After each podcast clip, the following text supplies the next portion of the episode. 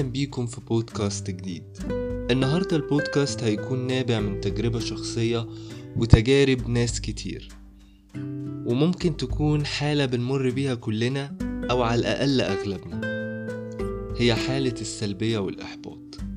أحيانا ممكن تتعرض لموقف إن حد يسألك ويقولك أنت ليه طول الوقت مكشر؟ ليه سلبي في أفكارك؟ ليه بتتوقع الأسوأ؟ ليه نكدي؟ وأسئلة كتير من النوع ده وغالبا بيكون ردك إنك بتقول الحقيقة أو اللي أنت شايفه أو إنك مش بتعرف تزيف الحقيقة بس هل إجابتك دي صح؟ هل أنت كده عايش طبيعي ومرتاح؟ هل فعلا أنت مقتنع إن ربنا خلقنا علشان نفضل طول الوقت آه، محبطين ويائسين؟ يعني طبيعي بعد كل الأسئلة اللي طرحتها من شوية هيجي في دماغك سؤال طب إزاي أكون شخص إيجابي؟ أول قاعدة علشان تكون شخص إيجابي هي إنك تتقبل كل المحبطات اللي موجودة في حياتك. الفكرة مش إنك تستسلم أو تهرب منها أو تستخبى أو حتى تتحكم فيها لأن ده مستحيل يحصل. لكن تقدر تغير طريقة استجابتك للمواقف المحبطة دي. يعني مثلا شخص صاحبك جدا لكن كل كلامه محبط ويائس من الحياة وكل ما تكلمه يحكي لك عن المشاكل والمواقف اللي بتحصل معاه المحبطة. الشخص ده ابعد عنه لأن وجوده في حياتك بيأذيك نفسيا وبيزود عندك الطاقة السلبية بدون أي داعي. وطبعا دي حاجة ما تزعلش. انت في الآخر عايز راحتك النفسية وتبعد عن أي حاجة ممكن تعرضك آه، للحالة لحالة الاكتئاب. في كتاب بقى اسمه Mind Set The New Psychology of Success. كاتبة الكتاب ده اسمها كارل دويك. في الكتاب ده بتتكلم أو بتقسم عقليات الناس لقسمين Fixed Mind و Growth Mind. Fixed Mind أو العقلية الثابتة هما الناس اللي بيعتقدوا إن الحياة منحتهم ذكاء ومهارات وإمكانيات آه، محدودة جدا وما, وما عندهمش القدرة إنهم يغيروها لا يزودوها ولا حتى يقللوها.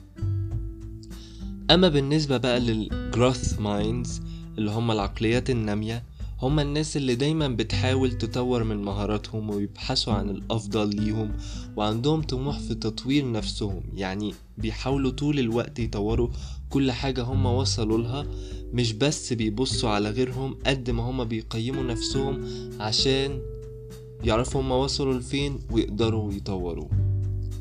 طب عشان نبقى زي العقليات النامية اللي هي الجروث مايند نعمل إيه؟ لازم أول حاجة نحدد ونفصل أهدافنا وده مبدئيا هيحسسك بشوية أمل في بكرة وإن يبقى عندك آه، روح إيجابية. آه، ومش لازم خالص تبدأ بالحاجة الصعبة يعني خد الأمور بشكل مبسط وتدريجي.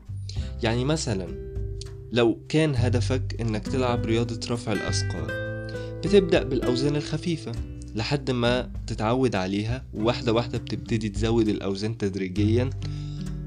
ومع الوقت برضو الأوزان لما بتزيد أنت بتتعود عليها وبتفضل تكبر وتعمل تمارين أكتر عشان تقوي عضلاتك على رفع أثقال أكتر وأكتر. طبعا الموضوع ده بياخد وقت بس مش مهم الوقت قد ما مهم النتيجة اللي أنت هتوصلها في الآخر. من الحاجات برضو اللي هتقلل من عندك الاكتئاب والإحباط آه إنك تتأمل كل حاجة حواليك. واللي أقصده من التأمل مش إنك تفكر تفكير زايد في كل موقف وفي كل كلمة بتتقالك أو كل موقف بيحصل لكن إنك تقعد مع نفسك في زاوية هادية من الأوضة وتراقب الأحداث من بعيد. أو إنك تسمع موسيقى هادية وإنت بتعمل هواياتك المفضلة زي مثلا الرسم. وده طبعا هيساعدك يكون عندك سلام داخلي. ولما توصل للمرحلة دي ده هيساعدك إنك تتعامل مع أي موقف بشكل عقلاني وتفكر بالراحة وبكل هدوء وبكل سلاسة. في بقى حاجة تانية أو في نظرية أخدتها من فيلم عسل أسود وهي اسمها The Concept of الحمد لله. طبعا كلكم عارفين الإفيه ده.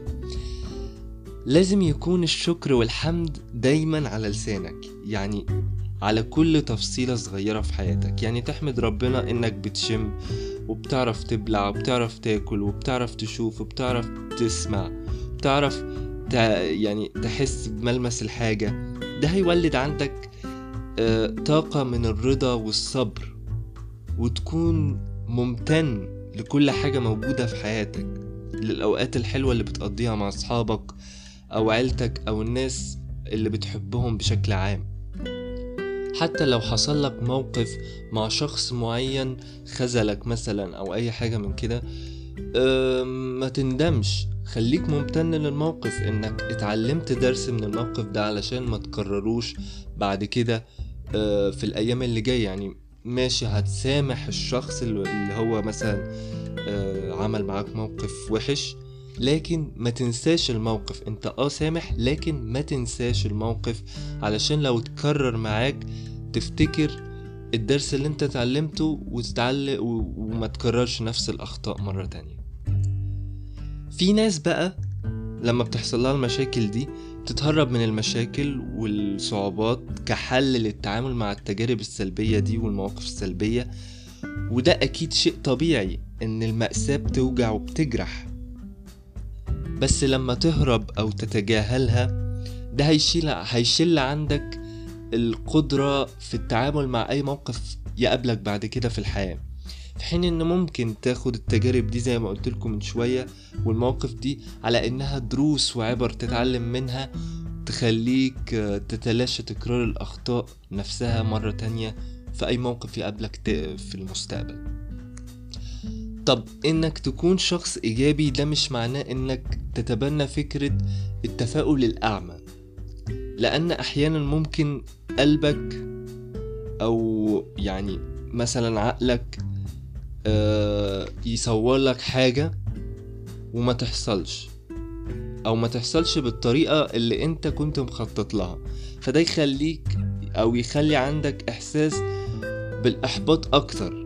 يعني مثلا لما تبتدي شغل جديد ما تتوقعش إنك تبقى خبير في يوم وليلة.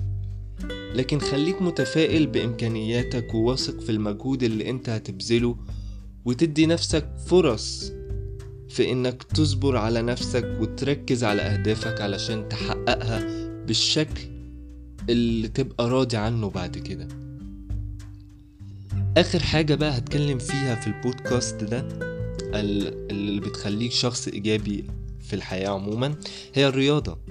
وأثناء ممارستك للرياضة قريت معلومة كده على جوجل إن جسمك بيفرز هرمون اسمه الأندروفين. وده من المواد الكيميائية اللي بتساعد عقلك وجسمك إنه يحسسك بالراحة النفسية ويفكك من القلق والتوتر. يعني مجرد 30 دقيقة بشكل منتظم خلال الأسبوع ده يخليك شخص أكثر هدوءا وأكثر أكثر راحة وتتعامل بعد كده من غير قلق في أي موقف عموما من غير قلق أو أي توتر. وفي الختام أحب أقول إن مفيش حاجة في الدنيا تستاهل إنك تكون شخص محبط إحنا آه بشر وعندنا مشاعر وبنحس بس ما ينفعش نبني حياتنا ومعتقداتنا على على المواقف المحبطة بس لأن في حاجات كتيرة تانية أهم نستفاد منها أه ونكسب منها خبرات تساعدنا نكمل رحلة الحياة. شكرا لكم وأشوفكم في بودكاست جديد.